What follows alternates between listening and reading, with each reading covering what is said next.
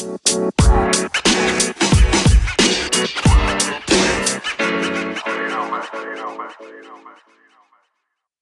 lu masih dengerin lagi podcast Kepo Kepo Kepo episode 37 nih masih bersama gue Haris Prasetyo.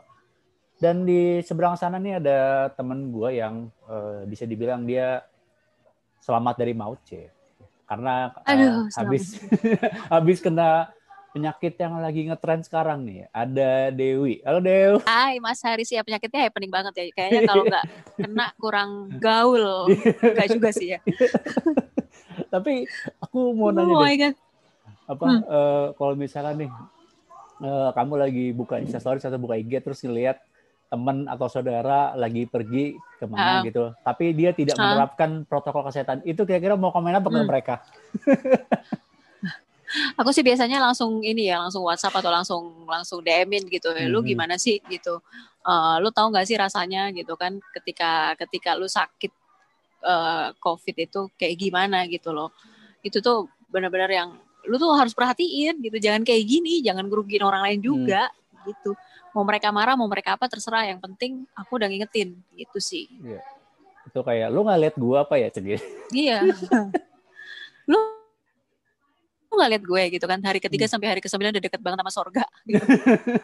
Aduh. Tapi eh, kalau menurut eh, Dewi, mungkin nggak tahu Hmm. nih pendapat Dewi. ya. Kenapa sih kok orang Hmm. kayak cenderung kayak menyepelekan ini penyakit, sementara kan kamu yang bener-bener yang yang ngalamin langsung kena penyakitnya gitu loh.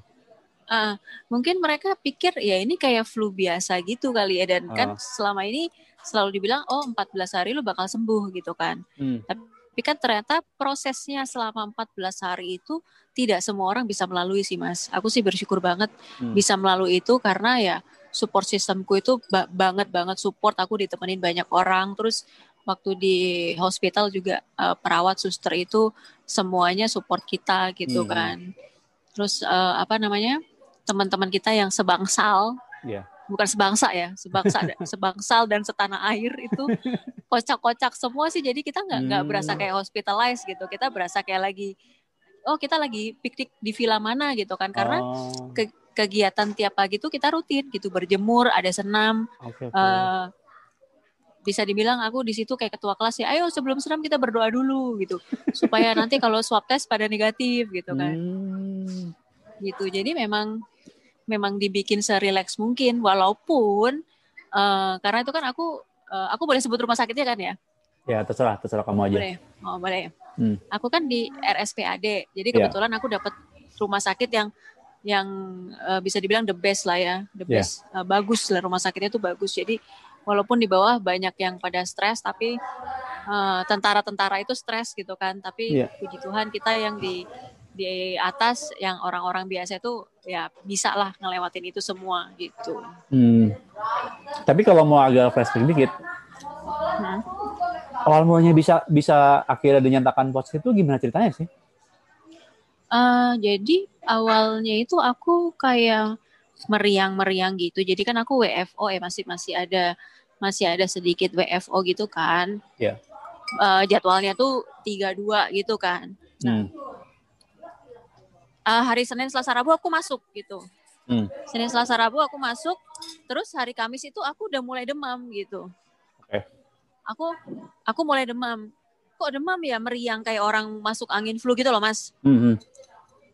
hari Jumat itu makin parah. Jadi eh, demamnya tuh tiap dua jam aku hitung, pasti aku hitung. Gila tiap dua jam gue mesti minum panadol merah nih supaya ini turun dan keringetan gitu. Ya. Eh, hari Sabtu, hari Sabtu timbul batuk, batuknya batuk batuk berdahak. Oke. Hari Minggu, hari Minggu itu eh, pileknya pileknya masuk. Hmm. Gitu. Aku udah feeling gak enak, gue nggak enak nih kayaknya. Aku harus swab. Jadi hari Senin itu pergilah aku ke RSPAD untuk swab. Hari Selasa jadi hasil eh, dinyatakan positif gitu. Oke. Jadi feeling aja sih maksudnya kan badan kita pasti punya alarm kan gitu. Iya iya iya. Nah, wah ini kenapa nih gitu. Hmm. Itu sih ceritanya kenapa sampai akhirnya bisa positif kena di mana. Aku juga nggak mau suuzon, nggak Mhm. mau gue kena di sini nih nggak. Aku Iya, nggak tahu iya. ya udah itu terserah Tuhan aja lah kenanya di mana. Iya. iya. Tapi waktu kamu yang apa uh, demam apa uh, meriang batuk itu udah udah udah ini belum apa kayak udah berpikir ini jangan-jangan ini lagi penyakit yang sekarang nih atau gimana atau sempat mikir yang Pas lain juga sempet eh, kayaknya ini flu biasa gitu ya tapi pas hari Sabtu itu aku udah mulai mikir-mikir gitu kan Hmm. udah mulai cari-cari tempat swab udah mulai nanya-nanya gitu kan Hmm, hmm, hmm. ketika hari Minggu makin parah ya ini udah yang feeling wah jangan-jangan gua covid nih gitu kan Hmm, hmm. udahlah hari Senin pokoknya gim- gimana pun caranya gue mesti tes gitu Hmm, hmm. ya akhirnya hari Senin itu drive thru lah udah hari Selasa jadi hasil ya udah gitu kan hari Selasa. Jadi eh, ketahuan hasilnya diambil oh iya eh, Rabu pagi aku pergi ke emergensinya RSPAD untuk ini aku gimana nih? Gitu. Oke oke. Tadinya sih aku tuh cuman pengen minta rujukan mau ke Wisma Atlet. Ah. Karena di sana kayaknya tempatnya lebih fun gitu kan kayak orang nggak sakit kan kayak orang Iya, iya. staycation gitu. Iya iya iya. Tapi ternyata ternyata setelah dicek semua karena kan dia penanganannya cepet banget sih mas. Jadi amit-amit ya nanti ada yang kena eh, aku rekomendasi sih ke RSPAD sih Hmm. karena alat Hmm. juga lengkap gitu kan jadi pas aku sampai sana nggak sampai 15 menit aku udah ditanganin gitu kan Hmm. oh iya iya ini i- eh, tes dulu ya ambil darah foto toraks dan segala macam dan itu cepet Hmm. dua apa tiga jam gitu eh, udah jelas semuanya gitu kan Eh, terus mereka bilang sama aku gini bu kayaknya ibu jangan ke wisma atlet deh dengan kondisi yang eh, di paru-parunya itu ada GGO-nya kayak ada flagnya gitulah kalau kita bilang ya. Iya. Eh, mendingan ibu di sini aja biar kita pantau aja keadaannya gitu. Oh jadi aku nggak diizinin nggak diizinin ke, ke wisma atlet. Mereka lebih prefer aku di RSPAD aja gitu. Jadi lebih sekalian sekalian dipantau juga gitu ya? Ah, karena mereka khawatir aku tiba-tiba sesek gitu kan. Oke iya iya. Nah waktu hari Selasa itu kamu apa hasil tesnya ketahuan positif nah itu perasaan kamu gimana saat itu tuh? Eh, eh, karena aku udah feeling ya sebelumnya aku udah feeling ya aku cuman ngeliat gini sih oke positif Eh, aku kabarin orang rumah karena aku tinggal di apartemen aku kabarin orang rumah. Ya. terus eh, sorry aku nggak bisa kayaknya aku nggak bisa pulang dalam waktu dekat nih mamaku kaget kan loh kenapa? Gitu. Terus aku bilangin iya mah aku covid ini begini keadaannya gini gini gini. Perasaanku cam- campur aduk tapi aku nggak nggak boleh panik gitu kan aku harus eh, tenang karena mamaku kan juga orangnya panikan jadi aku nggak Ya, ya. boleh lebih panik gitu Hmm. ya udah akhirnya aku kasih tahu aja dan eh, aku lagi cari rumah sakit nih ke mana gitu Hmm. Eh, akhirnya hari Rabu pagi aku kabarin udah jam 6 pagi aku udah sampai ke RSPAD sih aku langsung kabarin mereka aku udah di rumah sakit gitu aja Nah, saat itu gimana caranya supaya kamu tidak apa ya, tidak terlihat panik dari diri kamu sendiri sehingga pas ngasih tahu ke orang rumah juga nggak nggak tularan paniknya ke orang rumah gitu loh. waktu itu aku merasa aku akan baik-baik saja gitu Hmm. karena aku merasa aku uh, sudah di apa sudah diputuskan untuk ke waktu ma- Selasa malam itu sudah diputuskan untuk ke RSPAD karena kan aku nelpon juga ke RSPAD kan suruh datang Iya. pagi-pagi. Nah, aku merasa oke, aku akan berada di tempat yang tepat. Aku bilang uh, sama diriku sendiri gitu. Hmm. Terus kan penyakit ini kan uh, yang bisa ngelawan adalah imun kan. Iya. Nah dari imun itu sendiri kan kita nggak boleh stres. Jadi Ah. aku harus berusaha untuk yakin, ya harus yakin banget bahwa aku akan pulih, aku akan sembuh. Bagaimanapun nanti prosesnya, pokoknya uh, aku harus sembuh, deh, gue harus sembuh gitu. Itu aja sih mas. Jadi yakin harus sembuh, sama ya jangan dipikirin gitu. Hmm. Tapi pas sudah mulai masuk ke berarti setelah pas ke yang emergency itu emang langsung ini langsung masuk ke tempat ini apa kayak ruang perawatan di RSPAD itu. Uh, jadi pas masuk ke namanya namanya aja gini, namanya aja IGD disaster. Hmm. IGD dis- disaster itu aku hitungnya itu hari pertama ya. Hari pertama aku datang itu kayak orang traveling tuh gak sih mas? Kayak orang traveling. Bawa koper, Hmm. bawa laptop, sosokan mau kerja. Mau kerja. Oke, WFH, work from hospital gitu Hmm. kan. Udah masih sosokan begitu hari Hmm. pertama masih bisa oh makan enak banget temen aku kirim ini kan lu mau makan apa? gue kirimin McD ya, air kelapa hijau segala macam. Oh, waduh. sedap gitu kan. Oke, makan masih masuk. Set, set, set. Buka laptop masih bisa kerja, balas email dan Hmm. segala macam. Itu hari pertama. Hari kedua mulai nih batuk, gitu kan. Mulai Hmm. sering batuk. Mulai sering batuk. Udah laptop udah nggak bisa. Udah oke, gue uh, badan udah mulai lemas, makanan udah mulai dikit. Hari ketiga makin parah. Itu jadi aku menunggu kamar perawatan itu di hmm. IGD disaster itu hari ketiga, eh tiga hari. Oh tiga hari di jadi, IGD disaster.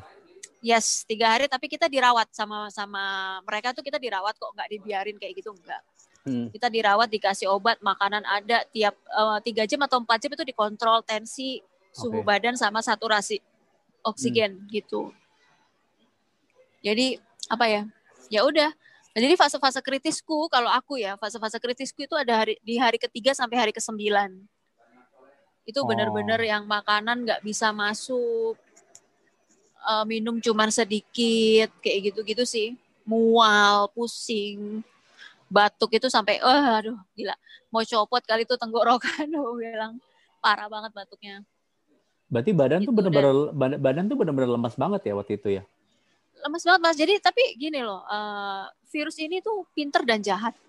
Okay. Bayangin loh, pinter dan jahat. Jadi bisa jadi kita jam 3 sore kan lagi berjemur, kita baik-baik aja gitu kan. Mm-hmm. Ye, lala lala, ye ye ye ye sama teman-teman gitu kan bercanda gitu kan. Mm. Tiba-tiba setengah jam kemudian uh, lo itu bisa badan lo tuh lemes, mual, muntah, Waduh. pusing gak karu-karuan sampai sesak gitu itu dan itu terjadi gitu maksudnya itu selama selama hari ketiga sampai hari ke sembilan uh, kalau aku ya mungkin orang lain beda ya aku nggak hmm. tahu tapi itu yang terjadi sama aku up and downs-nya itu banget banget banget gitu dan kita itu kan tiap uh, lima hari apa tujuh hari gitu di swab ulang terus kan iya iya iya di swab ulang uh, itu minggu pertama uh, cycle thresholdku naiknya bagus jadi kan aku masuk ke IGD itu uh, hasil swab pertama kan kan cycle thresholdnya kecil tuh 12,5. Hmm. Itu kan virusnya lagi lucu-lucunya di badan aku kan. Hmm. Gitu loh. Nah, uh, minggu berikutnya tuh naiknya tinggi uh, ke 26. Bisa naik dua kali lipat lebih. Berarti imunnya udah mulai kerja gitu kan. Iya, iya, iya. Tapi uh, dari penjelasan dokter yang aku dapat uh, si virus ini uh, kalau dihantam obat terus mungkin dia sama kayak kita kali ya kalau ditekan terus dia akan overacting gitu loh hmm. Dia akan menyerang mana pun bagian dari badan kita tuh yang lemah Oke okay, oke. Okay. Gitu. Jadi mak makanya kenapa nggak cuma pernapasan aja tapi bisa mual, bisa muntah. Oh. Bisa hmm. diare. Nah, itu dia serang mana yang lemah. Itu makanya uh, semua keluhan apa pun, semua keluhan apa pun kita harus ngomong sama perawat jangan uh, sampai ada yang ditutup-tutupin supaya penanganannya bener karena ini virus beneran jahat banget. Oh, sama ini juga bener gak sih yang aku tahu tuh salah satu ciri cara ciri paling kelihatan orang kena covid itu ini apa? Indra penciuman sama perasa kalau nggak salah jadi jadi berkurang tuh bener ya? Uh, aku nggak merasakan itu, jadi, hmm. jadi normal. Nah, oh. makanya itu kan aneh kan? Iya iya iya iya. iya. Aku masih tetap bisa rasain apa pun, bisa cium apa pun. Makanya aku makan masih bisa tetap enak. Gitu. Mm -hmm karena aku minta infus nggak dikasih aku minta infus kan biar seger gitu. Yeah. uh, aku infus dong sus gitu. Lah ngapain orang dicek darah uh, elektrolitnya masih bagus kok gitu kan? Yeah, nggak yeah. usah ngapain ditusuk-tusuk? Karena kita itu diambil darah pagi sore loh ditusukin selama aku di rumah sakit berapa? 13 hari. Gila. Itu pagi sore ditusukin. Terus uh, karena aku mual, ada mual, ada gejala mual dan muntah, itu obat masuk dari infus itu, ah. gitu. Obat mualnya. Hmm. Sementara yang diminum obatnya yang yang bentuknya tablet juga banyak banget sekali minum bisa 6 bisa 7 kali. Yeah, dengan yeah, tiga yeah. suntikan, dengan tiga suntikan. Jadi ada obat mual, ada obat lambung sama vitamin C. Vitamin C udah nggak mempan yang diminum lagi, udah langsung diinjek intravena.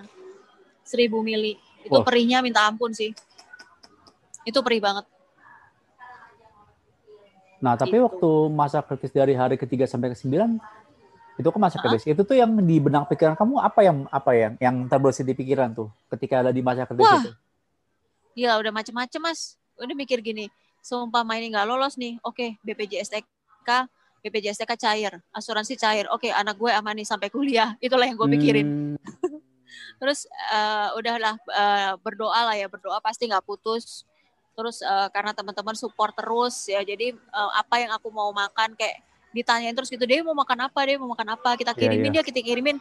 Sampai kayak perawatnya itu uh, ke tempat aku tuh bisa tiga kali atau empat kali sehari gitu. Bu Dewi ada kiriman dari temennya ini. Bu Dewi ada kiriman dari temennya gitu kan. Itu perawatnya sampai apal sama Dewi tuh ya. ya elah namanya ya ya sus ya makan bu makan. Nggak apa-apa kok makan dari luar tuh nggak apa-apa gitu. Hmm. Iya karena makan rumah sakit kan emang kita di diet. Jadi lucunya gini loh mas, Eh, kita kan satu gedung itu satu tiap lantai itu ada dua wing, wing kiri dan wing kanan. Iya. Isinya tuh 10 orang, jadi kamarnya ada tiga, eh, ranjangnya empat, empat dua. Iya. Kebetulan aku ada di yang ranjang dua nih. Hmm. Kita bersepuluh itu gulanya, kadar gulanya, gula, gula darahnya itu semuanya naik sepuluh sepuluhnya. Itu aneh banget sih. Gula aku yang biasa normal kan 100, 110, tiba-tiba bisa jadi 175 gitu kan. Hmm. Jadi tiap malam suster akan keliling ke kita bersepuluh nyuntikin insulin biar cepat. Jadi spesialis penyakit dalamku bilang, kalau ini ada penyakit penyertanya seperti diabetes dan hipertensi, pemulihan akan susah. Makanya biar cepat kita suntik insulin ya Bu, ini nggak nagih kok. Aku udah eh, cuman bilang gini, terserah dok mau suntik insulin, mau suntik apa, bodo amat, yang penting beres.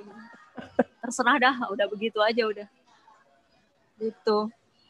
Tapi berarti yang eh, setelah apa dari hari ketiga sampai hari sembilan itu itu apakah masih di IGD di sesar apa dipindahin ke tempat lain, ke ruangan lain?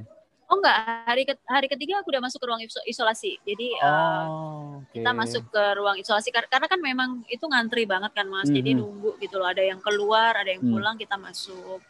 Gitu. Ada kok yang sampai satu minggu ya. Jadi barengan aku. Jadi dia eh enggak dia dari hari Minggu kan aku hari Rabu masuk dia dari hari Iya. Minggu. Barengan aku hari Sabtu baru dapat ruangan. Mereka hampir satu minggu gitu. Saking penuhnya memang Oh, gitu. tapi gini, kalau yang kamu ingat seperti apa sih gambaran ruang isolasi di rumah sakit untuk COVID itu seperti apa sih? Eh ya cuman kamar aja sih, kamar biasa kayak Hmm. kamar perawatan gitu, eh, kamar mandi di dalam. Hmm. eh, suster kayak jadi ada tiga kamar eh, pintunya ketutup kaca gitu kita cuman bisa lihat luar tuh dari kaca itu dada-dada sama susternya gitu Iya. kan Eh, nggak nggak nggak mengerikan juga karena ya tiap apa ada ada berandanya juga suster masuk tiap tiga jam karena shift mereka diperpendek kan jadi per tiga jam karena mereka harus pakai APD lengkap Oh, Oke. gitu dan itu kasihan banget sih mas Eh, kalau boleh gue cerita ya Iya, ya, silakan. gue pernah gue pernah di waktu diinjeksi vitamin C Ah. Itu pernah nangis oke injeksinya memang perih tapi yang bikin gue nangis tuh bukan itu gitu gue ngeliat di dalam APD itu si perawat ini kebetulan cowok ya.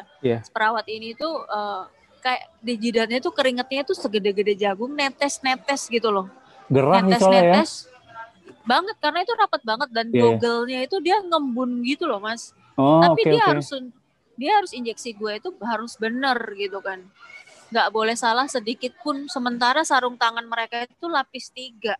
Gila. gitu. Tiap ambil tiap gue ambil darah pun begitu. Eh, gue udah nggak tega ngeliat mereka tapi gue sakit. Eh, gue gue cuman kasih tangan gue dua-duanya. Eh, sus ters- terserah deh mau tusuk yang mana. Ambil aja Hmm. tusuk aja sampai dapet terserah. Udah gitu karena ya gimana ngera- ngeraba kayak pembuluh darah yang alus-alus itu kan pakai tangan yang nggak pakai sarung tangan aja susah apalagi ini sarung tangannya tuh lapis tiga gitu loh Eh, Gitu. nah, eh, dengan kondisi yang apa ya, kondisi perawat yang seperti itu dengan pakai APD, eh, la- apa sarung tangan lapis tiga itu apa sih eh, dampaknya buat Dewi itu dengan dengan itu Da- ada dampaknya nggak ke- ketika lagi masa masa masa apa ya masa pemulihan atau penyembuhan atau apa pun istilahnya lah? Eh, aku ngeliat ke susternya gitu. Iya. Ya aku ngerasa mereka itu udah udah bekerja keras gitu kan. Hmm. mereka itu mereka itu ngadepin kita loh yang Hmm. yang infected gitu. Dan mereka juga punya resiko. Karena kemarin itu yang barengan aku ternyata juga ada. Jadi kan lantai dua itu ICU mas. Iya. Itu kan gedungku itu kan empat lantai. Lantai dua itu ICU dan ternyata ada satu perawat dari ICU infected masuk Hmm. ke ruang perawatan aku gitu. Jadi mereka itu benar-benar yang apa ya take the risk gitu loh. Iya, iya, Eh, ya udah deh gitu.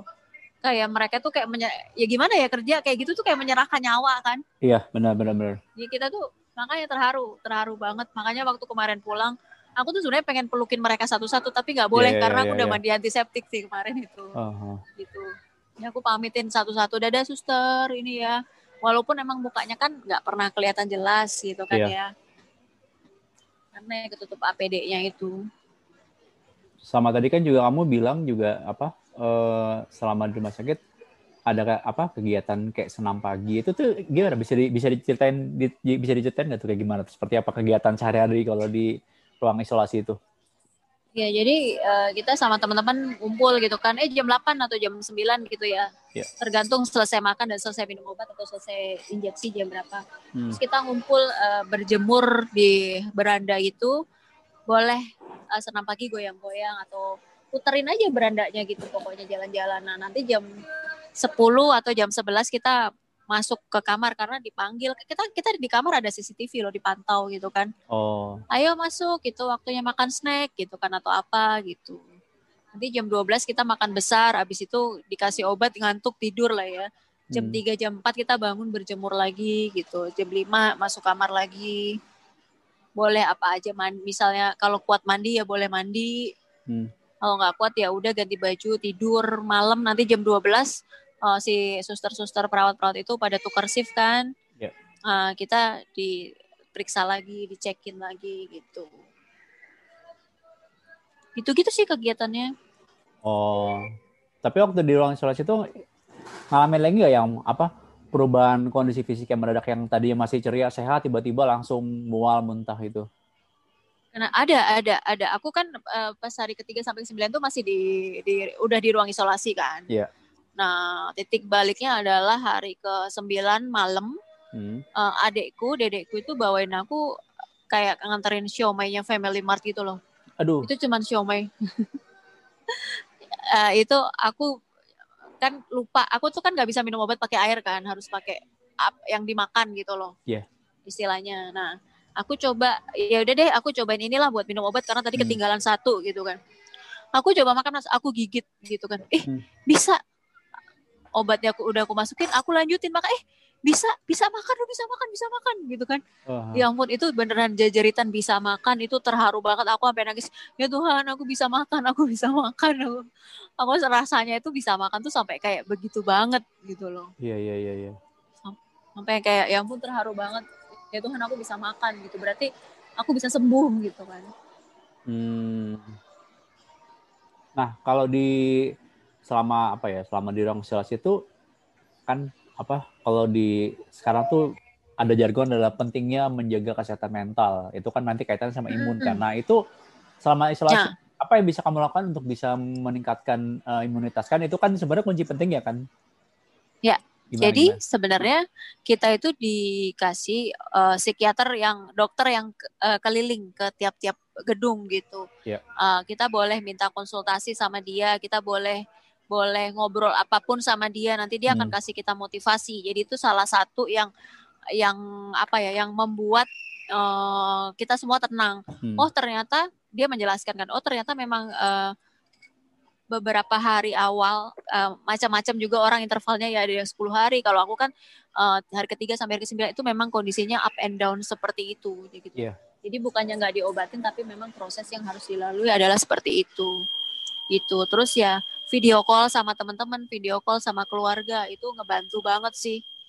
Itu karena kan gimana ya Mas ya kalau aku kan kerjaannya ketemu orang sebelumnya. Yeah. Tiba-tiba harus cuman ketemu yang ya temennya dia lagi dia lagi gitu yeah, kan. Yeah, yeah, yeah. Itu kan juga bikin stres ya. Jadi aku video call teman-temanku juga uh, video call juga uh, kebetulan karena karena kantorku WFH jadi absennya pakai uh, Microsoft Team jadi aku masih tetap ikut gitu kan.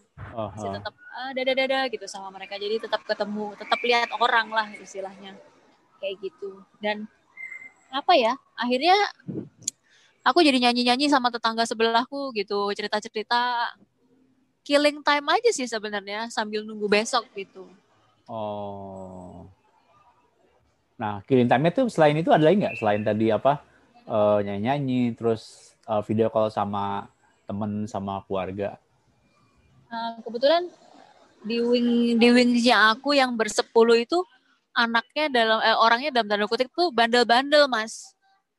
Kita tiap malam tuh kayak ya bapak-bapak itu ya di kamar pojok tuh tiap malam tuh kayak go food martabak gitu loh. Jadi aduh kita makan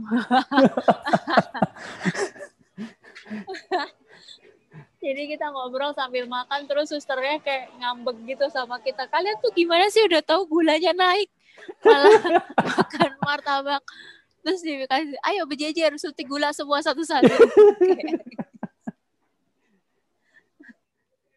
Mungkin kalau nggak pesan GoFood stres juga kali ya. kayak gitu sih. Aduh nggak bisa makan kali mas karena ya makan rumah sakit tahu sendiri lah tapi Iya, iya, iya. aku hari ke 10 sampai ke 13 emang makan rumah sakit aku nggak sentuh sih.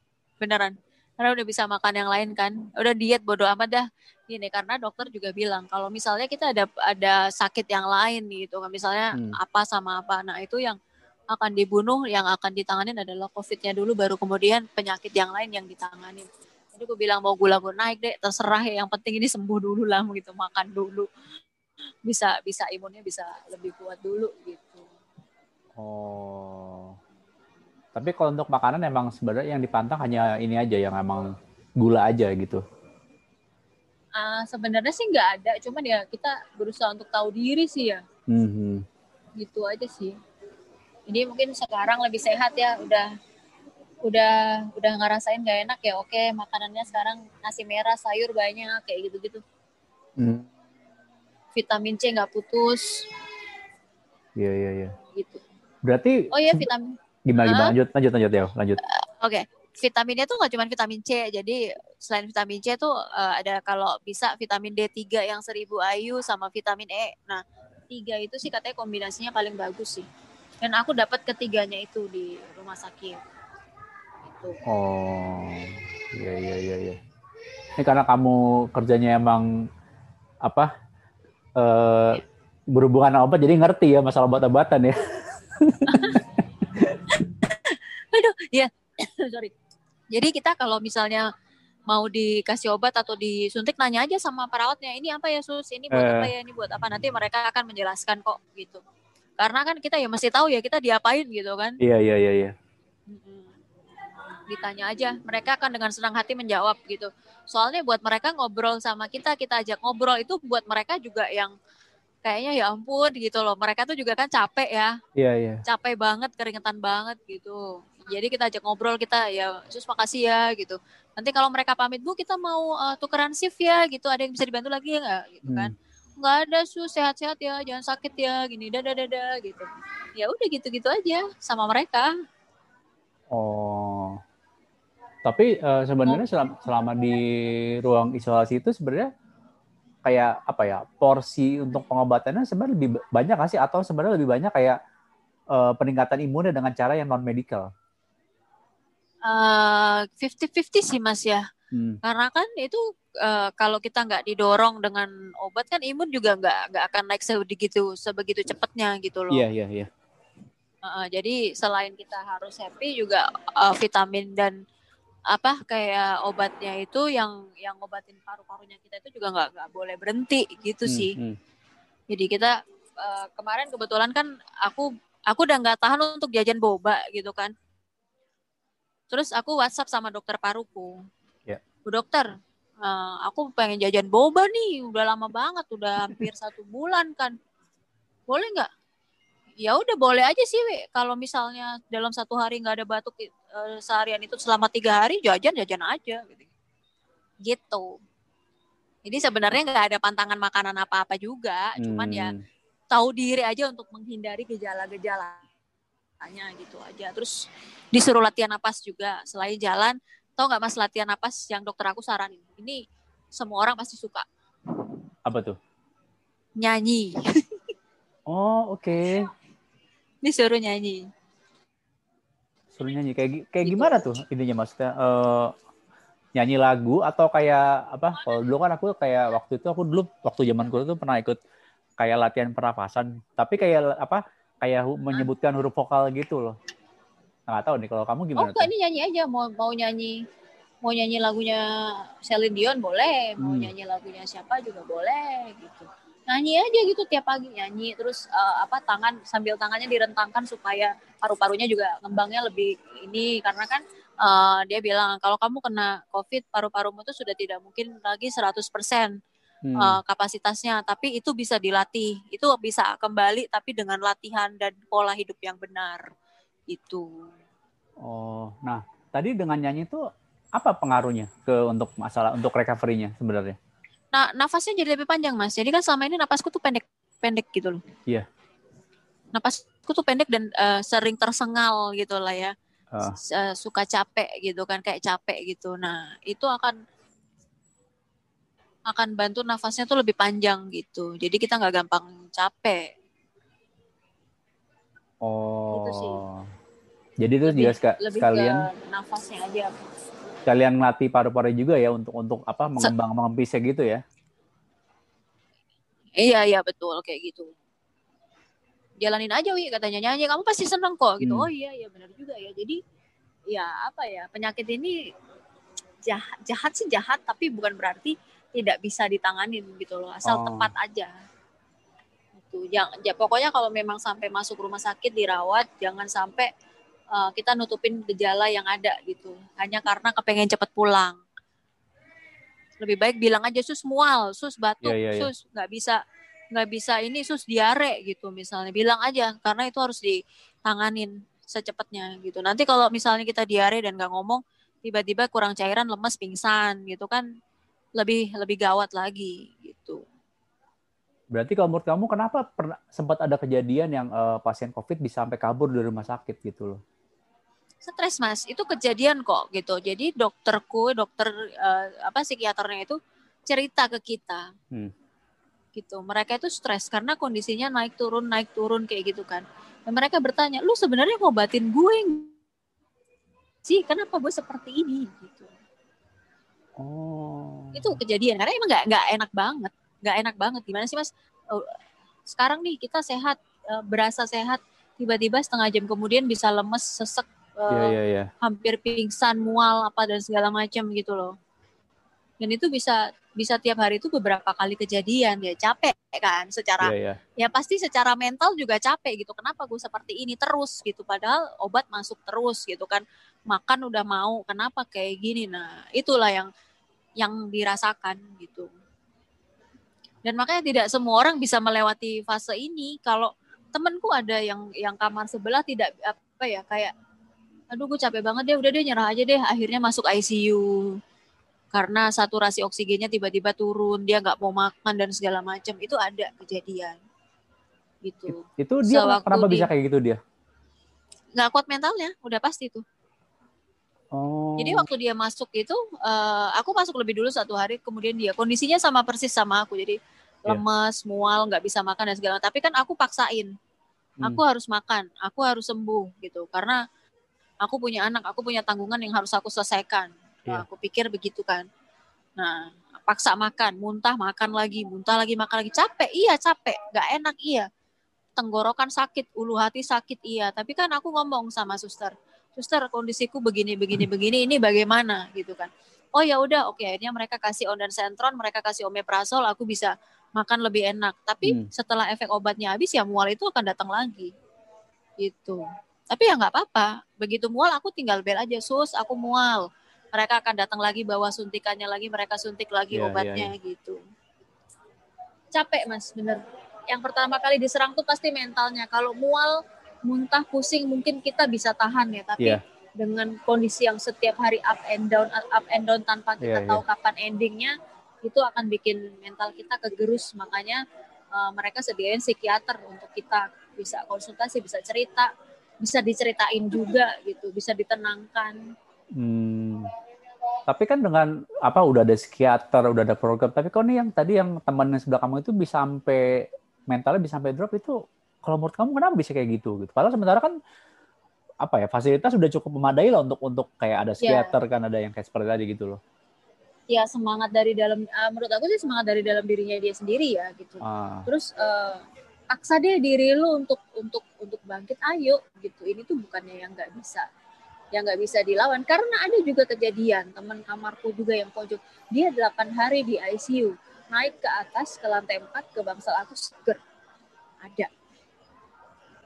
Karena apa? Karena semangatnya dia untuk sembuh tuh tinggi. Oke. gitu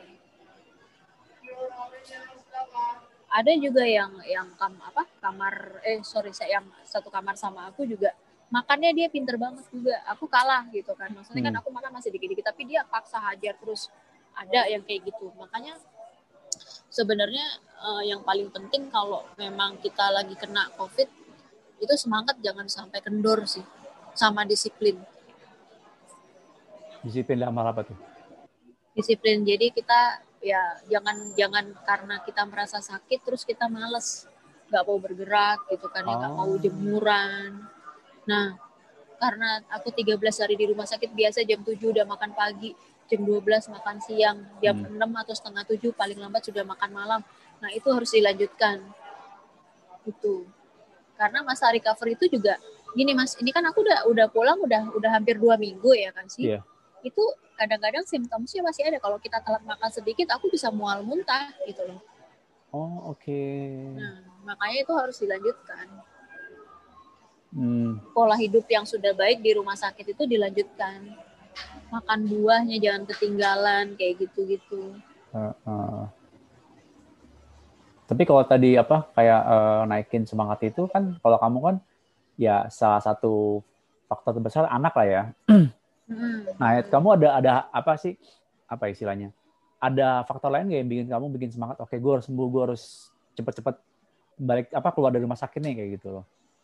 Eh, apa ya mas ya? Aku aku kan orangnya nggak bisa diem gitu. Ya. Aku pengen cepet. Pertama aku pengen cepet ngantor. Kedua aku pengen cepet jalan-jalan.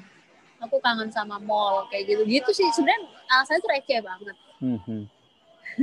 Alasannya receh banget karena apa ya yang aku hadapi ini sebenarnya nggak gampang. Karena kan aku udah cerita juga sama Mas Haris sekarang.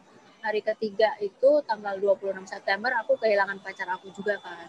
Iya, iya. itu jadi uh, dia juga pass away. Uh, kalau dokter bilang sih cardiac arrest karena dia terlalu terlalu panik ya terlalu terlalu kepikiran. Makanya yang aku mau share juga buat teman-teman yang mungkin lah sekarang masih dalam masa perawatan gak usah terlalu panik gak usah terlalu dipikirin ini bisa sembuh kok asal gaya hidup kita uh, benar dan kita disiplin gitu itu pelajaran sih dari yang kejadian kemarin Hmm. Iya, iya. Kalau tadi eh, kamu ngomong kan kamu tadi bilang eh, sering video call kan sama teman sama keluarga. Hmm, hmm, hmm. Nah itu efeknya seberapa besar sih ke untuk ke masa recovery gitu? Oh, gede banget, Mas. Gede banget. Gede banget. Gede banget karena kita kan benar-benar nggak diisolasi gitu ya. Iya, Eh, iya. nggak bisa lihat dunia luar gitu kan. Jadi jadi eh, video call sama mereka, ngelihat rumah atau pas mereka lagi jalan kita ngelihat jalanan itu tuh Hmm. eh, hiburan tersendiri lah buat kita ya. Jadi imun booster juga gitu. Karena ya gimana kita nggak bisa ke mana-mana kita cuma bisa lihat mereka inilah ya gitu. Iya iya iya. gitu. Gede banget efeknya. Jadi dikelilingi orang-orang yang sayang sama kita, dikelilingi Hmm. teman-teman yang baik sama kita itu tuh penting banget juga sih. Gitu. Tapi kalau untuk cerita lebih nyaman cerita ke mereka atau lebih nyaman cerita ke psikiater? Aku kalau untuk apa ya? Dua-duanya nyaman sih menurutku Eh, ya, karena kan eh. kalau psikiater pasti ada ilmunya lah ya. Iya. Mereka mereka anggap kita pasti pasti ada ilmunya. Tapi kalau teman-teman kan lebih ngertiin kita gitu ya, gimana Hmm. gitu kan. Nah, dua-duanya tetap perlu sih menurutku. Karena kan psikiater ya psikiater pasiennya banyak. Kalau teman ya teman kita aja gitu kan. Iya iya iya iya. iya. Nah kalau dari psikiater sama dari teman atau keluarga itu seperti apa sih bentuk dukungannya ke kamu? Kalau dari psikiater itu kan dia menjelaskan fase yang harus kita lewati. Seperti ini, seperti ini. Uh, Hmm. Terus apa namanya? uh, dia juga kalau kita panik, dia kan mainnya pakai obat ya kan. Iya. Nah, tapi kalau dari teman-teman tuh kan dukungan moral yang lebih banyak. Ayo, Wi, kamu sembuh nanti kita jalan-jalan lagi gini-gini. Terus mereka share foto-foto waktu kita jalan-jalan. Iya, kita jalan-jalan Hmm. sini nanti kalau disembuh. Nah, kayak gitu sih bedanya sih. Oh. Jadi kalau psikiater tuh lebih ke medisnya. Mungkin kalau kita panik kita dikasih obat, kita nggak. Iya. Aku pernah nggak tidur sampai jam berapa ya? Sampai jam 2 pagi. Nah itu kan mereka pantau dari CCTV. Itu mereka lapor ke psikiaternya, aku dikasih obat tidur kayak Oh. gitu-gitu. Atau aku ketahuan buka laptop kerja, ya dikasih obat buat istirahat. ya aku bosen mas, gitu. Iya, aku kan orangnya benar, bosenan benar, gitu kan. Aku mencoba meeting gitu kan, ya ini bandel nih udah. Jadi kalau misalnya kita itu jam berapa gitu belum tidur, mereka akan ingetin kita, ayo tidur gitu. Butuh istirahat loh gitu. Eh, emang sampai nggak bisa tidur? Maksudnya apa? Sampai insomnia gitu atau gimana? Eh, nggak ngerti ya, makanya kalau badan gini, badan kita tuh kalau sampai rumah sakit tuh jadi aneh banget deh pokoknya rentan gitu loh. Kayak tiba-tiba gulanya naik tiba-tiba gimana gitu kan. Tiba-tiba nggak bisa. Jadi gini waktu hari ke berapa ya? Hari ke ya antara hari ketiga sampai hari ke sembilan tuh lah. Aku kan batuk parah. Iya.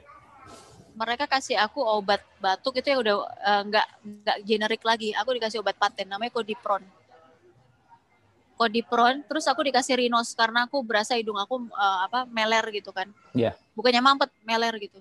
Seharusnya dua kombinasi obat itu udah bisa bikin aku teler banget tidur aku nggak tidur dong Gila. Rinos loh. iya rinos kan biasa pingsan kita kan Blek. Ih, itu ngaco itu obat itu. Hmm. Obat paling ampuh itu.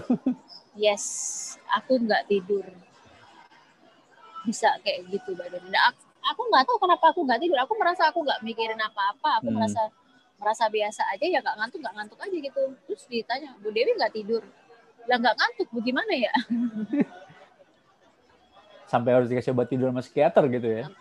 yes betul karena mereka juga takut kan ini orang ini lagi berkabung nih gitu jangan-jangan dia ntar kenapa-napa itu juga sebabnya kemarin aku di pending pulang satu hari Hmm. Jadi harusnya hari ke-12 tuh aku udah bisa pulang. Iya. Tapi dokter paruku tuh takut gitu kan. Padahal psikiaternya udah kasih aku pulang gitu. Oh, udah dilihat udah udah di uh, assessment kayak interview gitu. Oh, ini Hmm. orang udah nggak apa-apa. Terus Oke. pagi-pagi hari ke-13 itu aku didatengin eh, dokter kan jadwal visit tiap hari gitu Hmm. kan. Gimana dia udah bisa ini belum? Udah bisa menerima apa? Dok, udah. Aku tuh nggak bakal bunuh diri di rumah tenang aja. aku, aku sudah bisa menerima dok. Hmm. Emang udah nggak ada dan itu iya, bukan iya. karena dia tidak dirawat di wisma atlet karena emang ya dia kardiak arrest, henti jantung mendadak kan, sudden death nggak bisa diapa-apain lagi Ah, ya ah, ah. udah gitu loh gitu aku udah menerima gitu nggak bakal bunuh diri dok tenang aja baru dia akses ya untuk oke pulang hari ini ya gitu.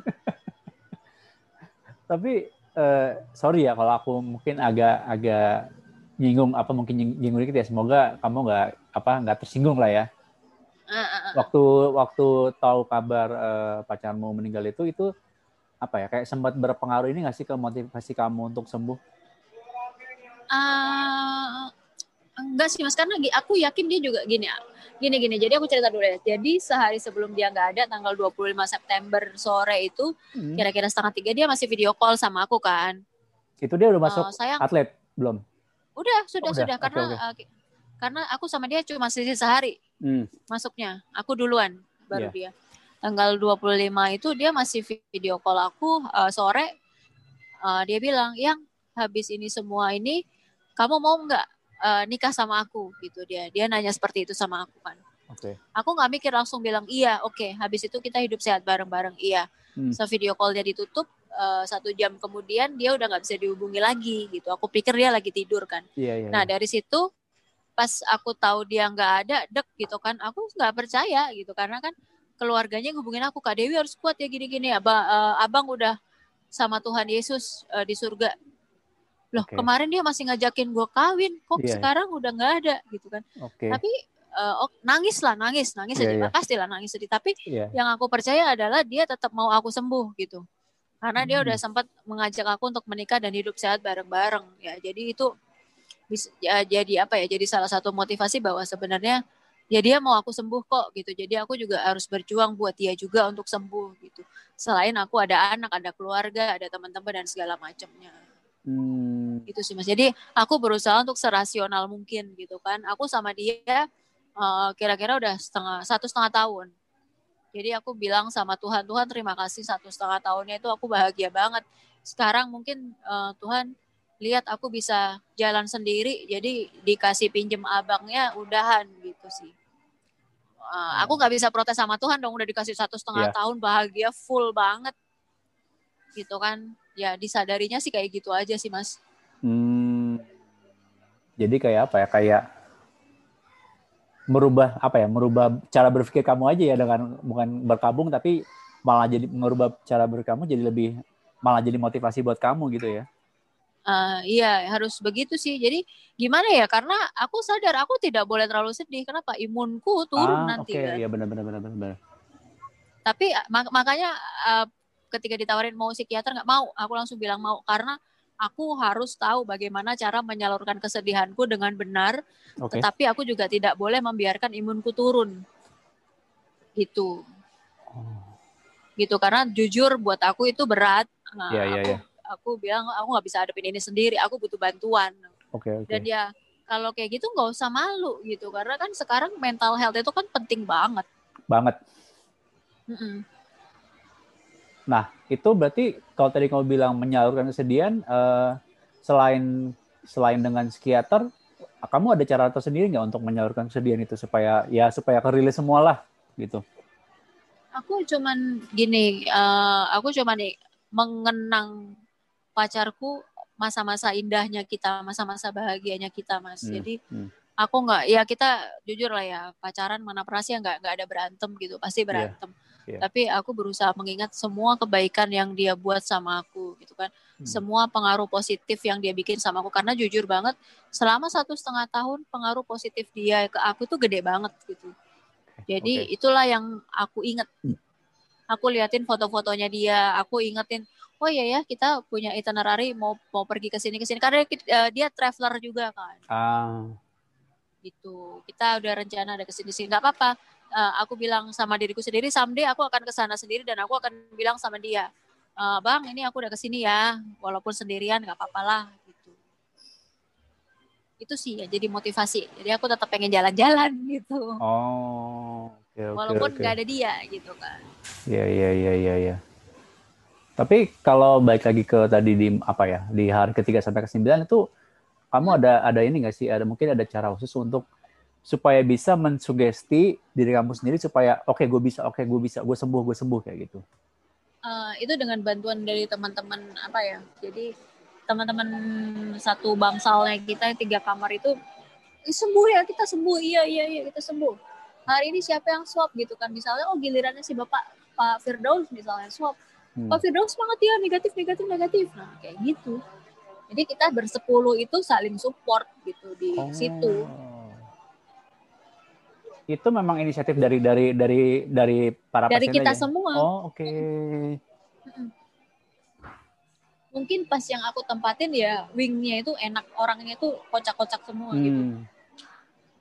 Sambil jalan gitu eh hari ini gula gue 300 bodoh amat gue nanti malam mau makan martabak lagi gitu Anjir, oke ayo wi nanti malam kita party jangan sampai ketahuan suster nih ya CCTV kita tutup dulu. Bandelnya parah banget itu ya. wow padahal yang bawa naik martabaknya juga susternya juga tapi kan dibungkus gitu kan dia nggak tahu ini apa Oh. keluarga gitu. Oke oke oke. karena kan eh, kalau GoFoodnya kan nggak boleh naik kita ada satu posko di bawah emang buat Iya. taruh titipan-titipan gitu nanti mereka yang naikin Oh. Gitu.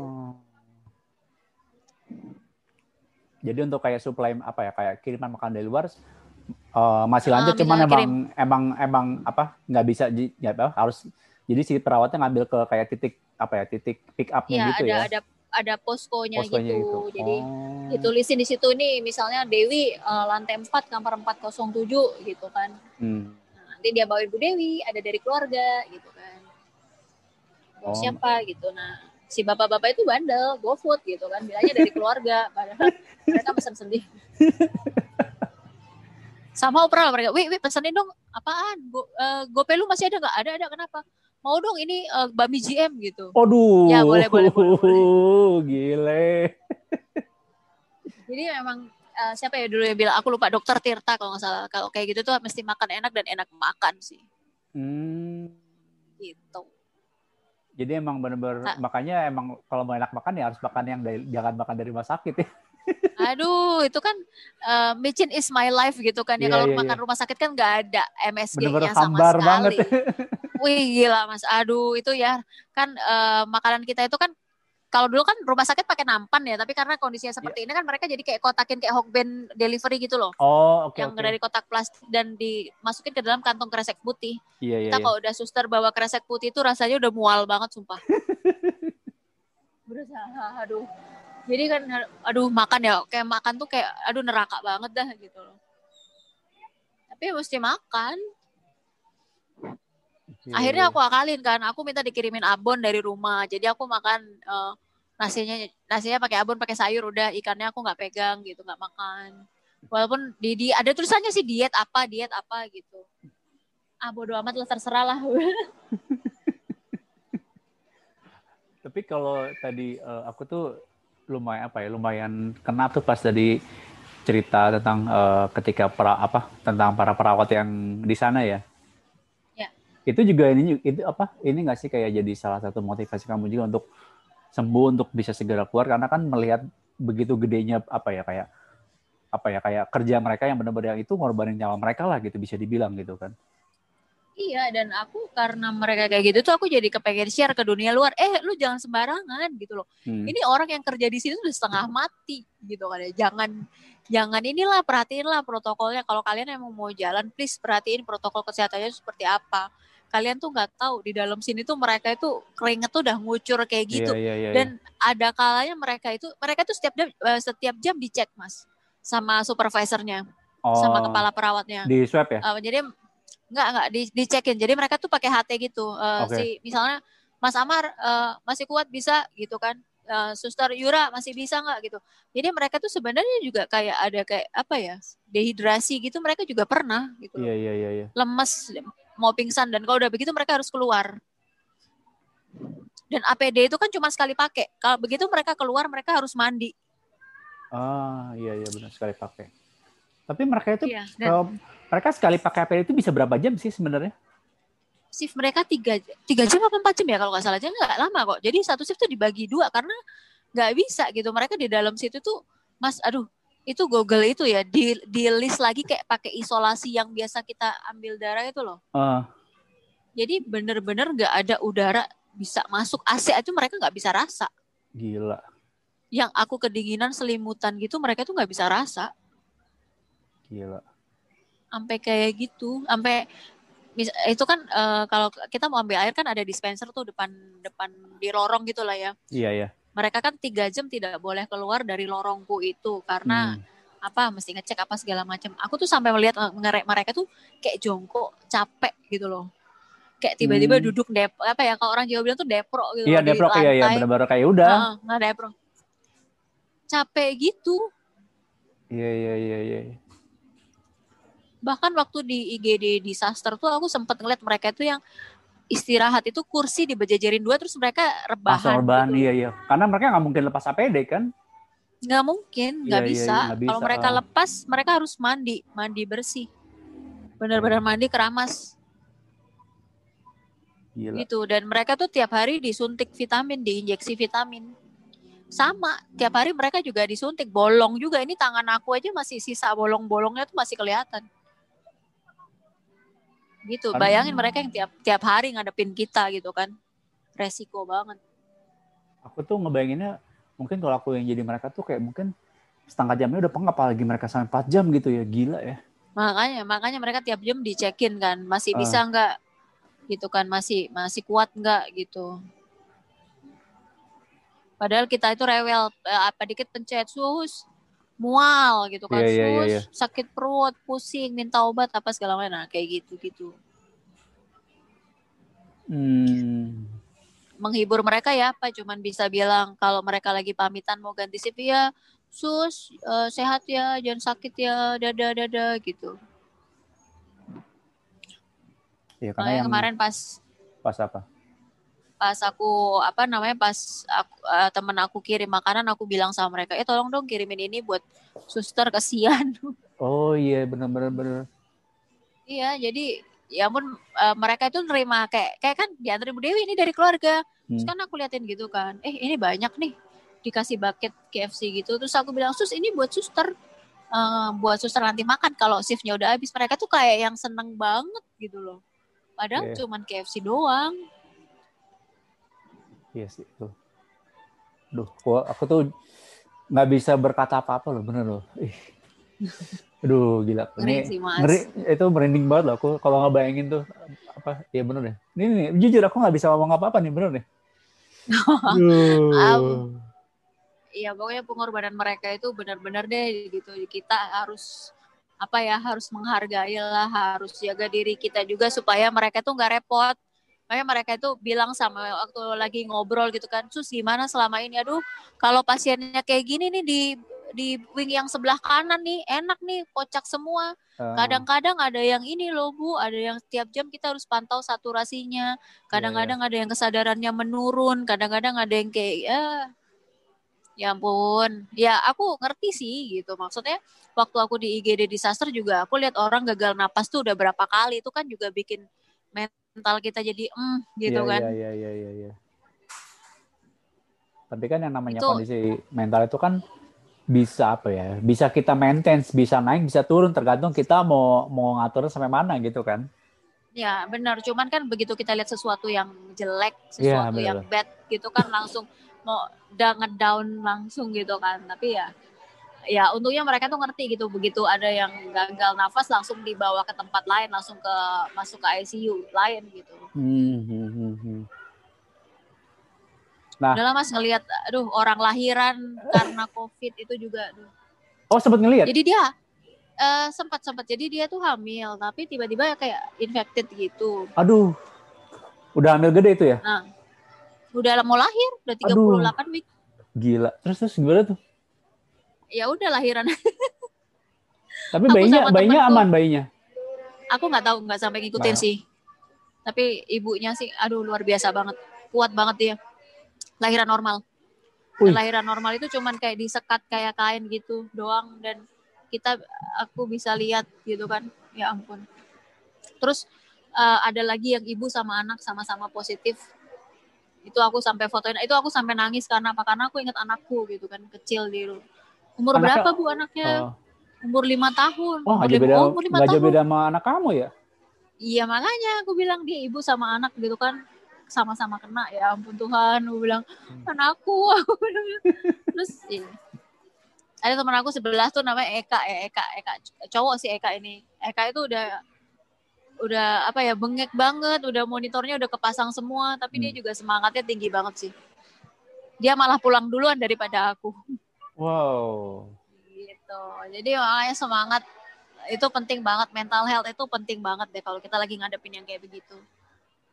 Itu apa ya? Kalau aku bilang tuh eh, nggak cuman yang kena covid yang but apa yang butuh penguatan mental health yang yang norm, yang sehat pun juga tetap butuh apa ya kesehatan mental juga gitu ya. Benar benar benar banget benar banget. Ya karena pandemik eh, ini ya berpengaruh ke semua orang kan gitu. Iya. benar-benar Ah, nggak cuman kita yang sakit doang gitu. Dan ada pengalaman satu pengalaman unik di aku sih ya. Aku Hmm. kan eh, Katolik nih aku Katolik. Tapi aku denger Eka Eka tuh rajin banget dia sholat dia ngaji. Jadi aku denger dia ngaji aku yang tidur tenang loh. Jadi kalau kayak gini udah nggak pandang deh agama lu apa gitu kan. Eh, Iya. asal berdoa sama Tuhan kita kedenger itu bikin kita tenang gitu. Iya iya benar. Itu kan gitu jadi apa ya jadi itu buat kayak- kalian-kalian yang memecah belah gara-gara agama oh benar-benar apa ya eh, brengsek banget deh kalian. Kalian tuh parah banget gitu. Jadi jangan memecah belah karena agama deh karena aku aja Katolik dengar orang ngaji aja aku bisa tidur tenang gitu loh. Hmm iya iya iya iya. jadi iya dia yang dia yang habis sholat kan ngaji gitu kan sambil duduk gitu sambil pakai oksigen gitu kan. Aduh jadi iya iya iya iya.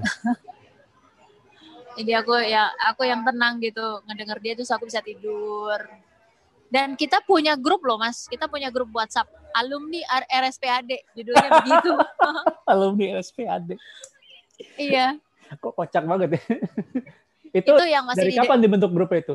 Waktu semenjak di itu apa, di kira-kira itu? iya iya. Iya jadi kita punya grup. Jadi kan ada yang udah keluar duluan. Aku kebetulan aku keluar duluan. Ada yang masih di dalam. Udah Hmm. udah sekitar satu setengah bulan belum negatif negatif Iya, Jadi iya. kita kasih semangat di situ, ayo semangat semangat gitu kan. Kita share uh, foto hari ini makan apa gitu kan. Di share, ayo gitu kan. Makan apa? Mau dikirimin apa, jadi kita saling support juga.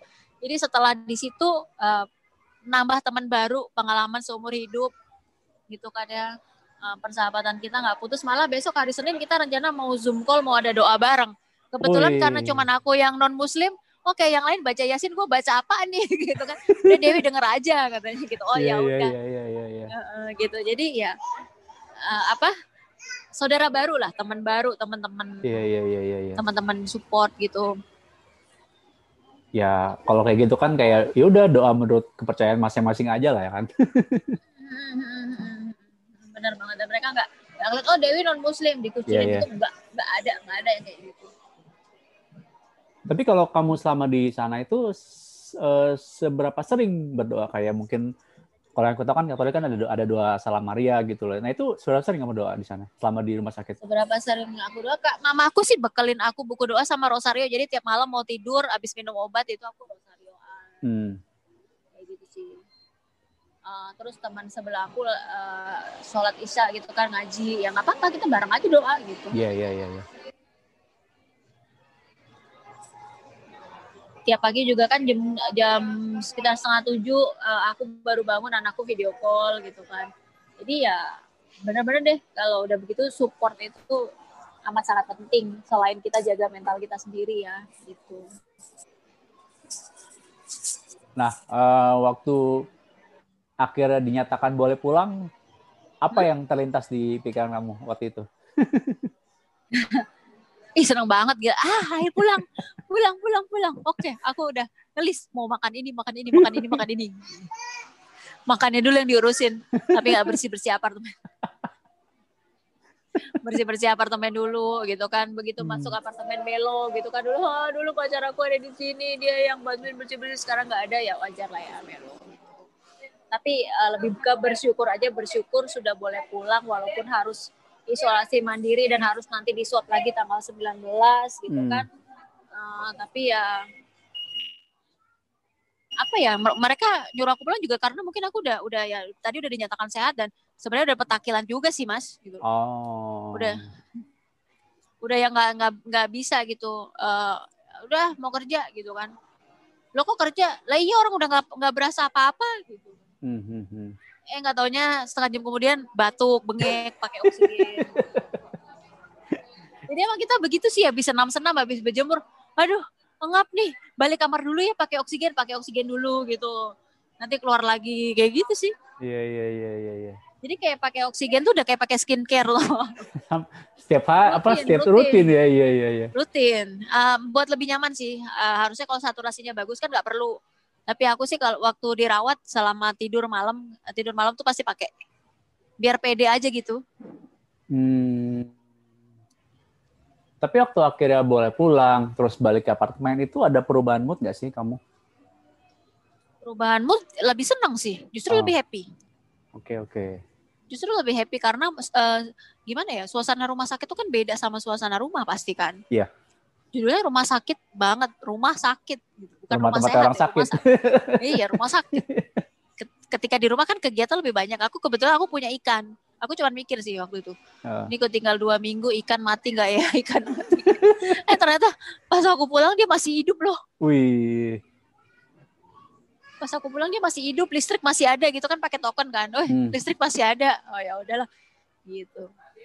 Yang PR sih bersih bersihnya sih emang karena kan kita nggak mungkin suruh orang ya Iya iya. iya. kasihan gitu kan ya, Eh, ya bersih bersih sebisanya yang penting bersih cairan desinfektan hand sanitizer sabun antibakterial itu nggak ketinggalan gitu Mhm. aja jadi yang selama ini sabunnya beauty beauty sabun disingkirkan dulu disimpan dulu ganti pakai eh, detol dulu atau sabun antibakterial Watsons gitu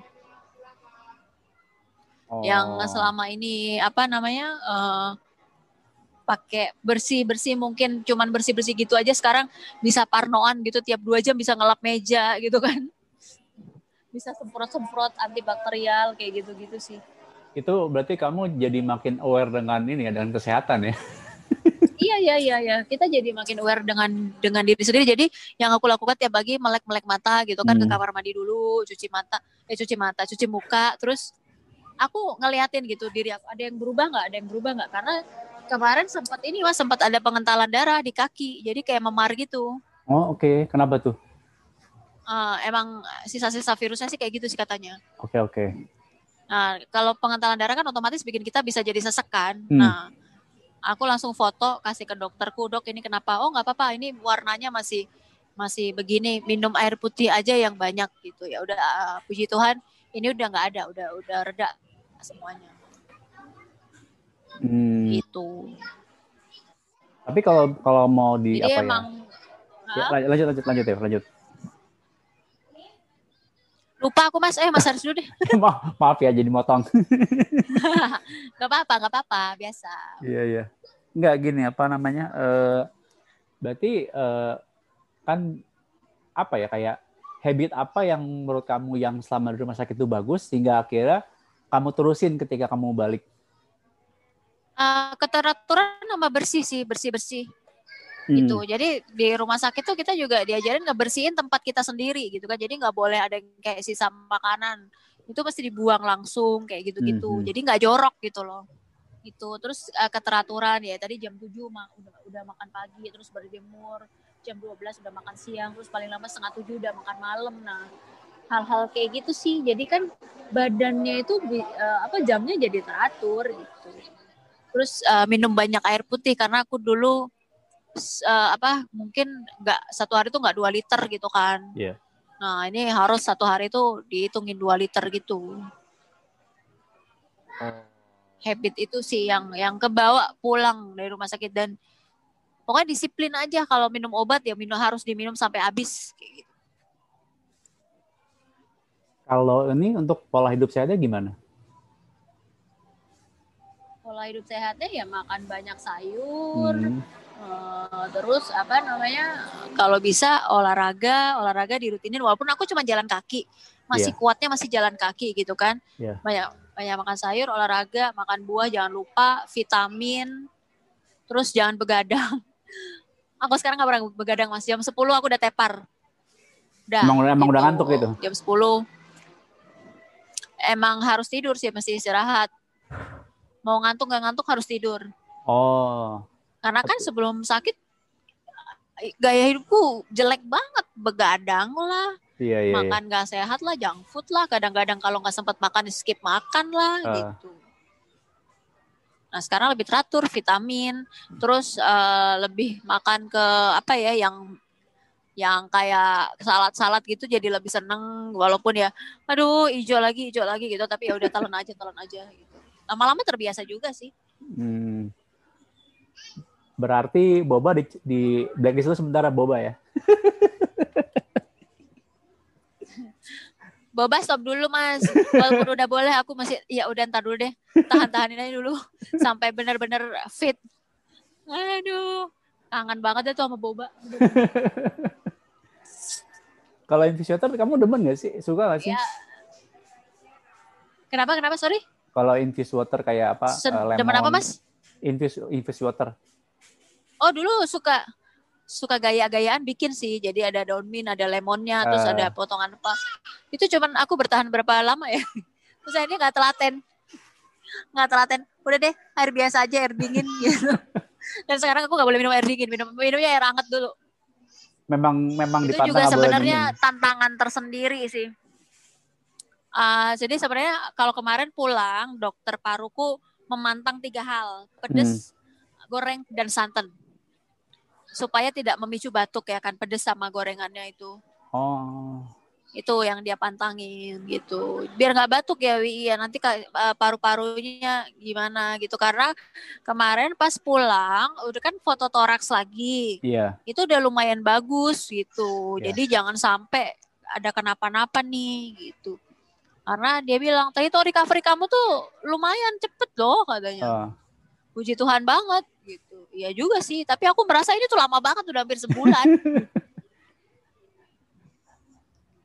Karena ada sih mas yang berapa ya sih kemarin tuh ada yang dua bulan dia bertahan tidak mau pulang eh, sebelum dia eh, sebelum dia negatif gitu dan karena penyakit bawaannya banyak jadi dia susah untuk negatif itu ada.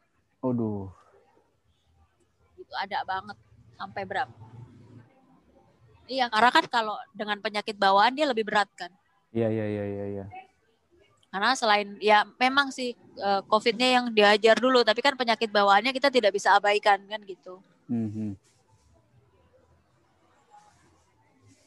Tapi kalau tadi kamu bilang dokter itu ngasih itu tiga pengalaman ngasih, aku selama tiga bulan. Sama apa? Hah? Yang tadi kamu bilang dokter tiga ngasih patangan. tiga patangan itu itu susah atau gampang menerapkannya? Sia susah banget lah udah pasti. udah pasti yang enak-enak kan goreng. santan siapa yang nggak doyan soto betawi coba santan Aduh. uh siapa ya yang nggak doyan silin gitu kan ya uh. McD ayam Aduh, em, aduh. KFC ya goreng semua gitu. Kalau pedes sih aku aku kalau pedes nggak susah karena memang aku nggak doyan pedes kan. Eh, gitu. Yang paling susah ya menghindari yang goreng-goreng itu karena kan yang enak yang digoreng. Iya. gitu kan. Mm-mm. finally aku kalau kalau kepengen makan yang digoreng ya ditirisin sampai minyaknya bener-bener habis apa Iya. ya agak habis gitu baru dimakan. Terus ya di ininya diakalinya dengan minum air putih banyak-banyak minum air putih hangat banyak-banyak lah biar minyaknya hilang gitu kira-kira Hmm. Nah, ini eh, terakhir nih, Del. ya Eh, agak bandel sih mas nggak nggak mungkin 100% nggak mungkin 100% diikutin Iya, Ah, iya. karena aku termasuk mungkin yang agak bandel ya Gitu. tapi kalau dikasih tahu nurut-nurut juga gitu kan. ya nurut dikit mau sembuh nggak kan cuman gitu doang Iya, dokter dia mau sembuh nggak iya dok mau sembuh oke oke oke gitu Nah, Del, ini eh, terakhir nih, Del. ah Eh, ini ah, kan ya, ya, ya, ya. ini kan gimana kamu gimana kondisi kan udah udah apa? Ya udah boleh pulang kan, tapi tetap kayak ada kayak masa Hmm. recovery lah ya. yes Nah, betul itu untuk apa ya? Untuk memaintain kesehatan mental kamu supaya tetap bagus tuh kalau di saat sekarang apa yang kamu bisa lakukan? Ya itu tetap lanjutin pola hidup selama di rumah sakit. Kita disiplin aja waktunya. Kalau makan ya aku nggak sedisiplin itu sih. Santan santan sih aku nggak. Tapi kalau gorengan kan memang susah. Ya seminimal mungkin em, di eh, makannya diikutin lah gitu pantangan dokter. Sama olahraga sih ya. Olahraganya walaupun jalan kaki itu se cuman berapa ratus meter tetap aku jalanin gitu. Itu aja sih mas. Jadi sama ini satu lagi nih minum banyak air putih udah sih vitamin. Kalau itu kan obat dari rumah sakit ya vitamin vitamin kita tetap minum. Pokoknya intinya itu disiplin jangan sampai kendor. Terus eh, sayur buah dan makanan sehat itu aja sih. Kalau yang buat mau eh, recovery kalau yang buat recovery itu sih. Menurut aku ya karena aku merasa much better setelah setelah aku disiplin gitu. Dan disiplinnya itu disiplin sendiri bukan di- disiplin karena dipaksa karena dari rumah sakit Ah, kesadaran sendiri. itu sih jadi lebih ke kesadaran kita aja Hmm. mau sehat apa mau sakit udah cuman gitu aja Kalau tadi yang di untuk kesehatan mentalnya gimana cara memaintainnya di saat sekarang ini yang kamu udah udah boleh pulang lah? udah boleh pulang terus isolasi ya 14 hari rumah eh, di rumah sendiri kayak orang gila gitu aku sampai ngobrol sama ikan aku loh Nggak sih sama ikan ikan aku kan ikan koi kecil gitu kan ya Iya. akuariumnya juga kecil aku sampai kasih nama dia Kevin. Biar ada temen ngobrol ya. biar ada ngomong enggak sih jadi kalau misalnya pengen menjaga kesehatan mental buat teman-teman yang nggak bisa lepas dari sosial media boleh lah main sosmed tapi kalau bisa yang di follow akun-akun yang yang apa namanya akun-akun yang sehat gitu. Hmm. Eh, untuk kita bisa lihat-lihat dunia luar. Terus lakukan hobi yang kalian suka. Apa mau nyanyi nyanyi deh. Install tuh si apa sih kan banyak aplikasi ya kayak Small apa dan Iya, segala macam atau kalau mau di YouTube kan banyak yang cuman ada minus one-nya doang. Kalian nyanyi kalian rekam kalian posting. Kalau aku suka bikin story-story aneh gak jelas gitu kan ya biar nggak bosen. Baca buku boleh eh, karena di apartemenku nggak ada TV aku Netflix kan kayak gitu-gitu. Jadi yang kalian suka aja kerjain supaya tetap waras. Karena ya kesehatan mental itulah yang nomor satu sih sekarang. Untuk Hmm. menghadapi apa pun di masa pandemik ini gitu. Iya, iya. Selain kesehatan kantong juga ya mas ya itu penting juga Waduh, itu penting juga itu. oh iya makanya Berarti intinya eh, apa yang menurut menurut eh, orang-orang happy apa, apa pun yang menurut orang itu happy lakuin aja gitu ya. lakuin aja nggak apa-apa kok Eh, apa namanya asal tidak mengganggu orang lain tidak merusak diri sendiri Hmm. selama itu bikin kita positif kalau biasa kan orang sekarang lagi demen berkebun ya berkebun aja gitu Oh iya iya iya iya. Kan lagi demen origami ya origami Hmm. aja nggak apa-apa gitu. Lakukan aja apa yang kalian suka. Terus jangan mageran gitu. Aku belajar dari situ sih aku nggak boleh mageran. Jadi aku harus bergerak.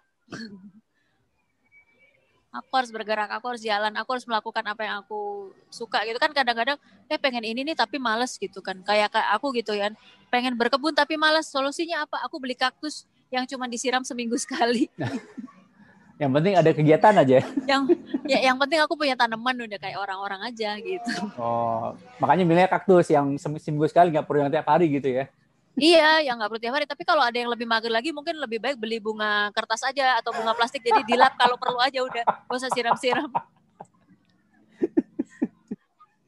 Pokoknya apa pun yang bikin kita happy, bikin kita senang, tidak merusak dan produktif, itu lakukan biar tetap waras di masa-masa seperti ini gitu.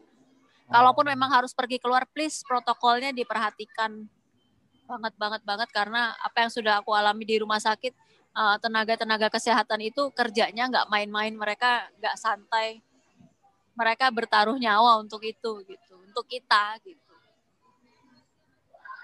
Iya iya. iya. Dan oh ya satu lagi yang yang masih tetap ngantor, tolong hmm. hati-hati hmm. banget masker jangan sampai dilepas. Yang masih tetap ngantor. Pokoknya makanan sehat, vitamin diperhatiin itu penting. Ini setelah sakit loh, gue sadar begini aku. Aduh. Nunggu sakit itu baru sadar. dulu pakai sakit. Iya. Aduh, parah emang Dewi parah. Kan gitu, nyesel dulu. Apa kayak nyeselnya emang belakangan. iya, iya, kalau di depan pendaftaran namanya kan ya. Iya. Aduh, Mas Aris, ya ampun. Aku nggak nyangka loh aku bisa di antara sebegitu banyak orang kenapa aku yang terseleksi untuk kena penyakit ini. Ya. itu apa, apa ya? Apa ya kalau nggak tahu nih apa ya pendapat aku benar atau enggak memang apa pun yang terjadi sama kita pun mau jelek mau buruk pasti ada ada reasonnya. Nah itu yang aku biasa bilang sih mungkin aku disuruh istirahat lah ya. Hmm. Gak kerja terus ini tolong nih kalau kantor saya dengar tolong nih.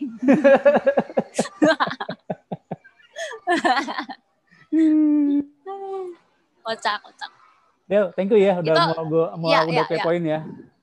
Ya, ya, ya, ya. Mas Aris, thank you juga. Aku sudah bisa menyampaikan apa yang aku rasain. Semoga teman-teman di luar sana yang dengar uh, lebih aware sama, sama kesehatan, lebih aware sama kebersihan gitu aja sih. Aku udah lega, udah bisa cerita gitu. Hmm. Thank you banget Mas Haris sudah kasih aku media untuk menceritakan pengalaman aku selama kena virus jahat ini. Semoga teman-teman yang lain gak ada yang kena lagi. Tuh. Semoga ya. Amin, amin, amin.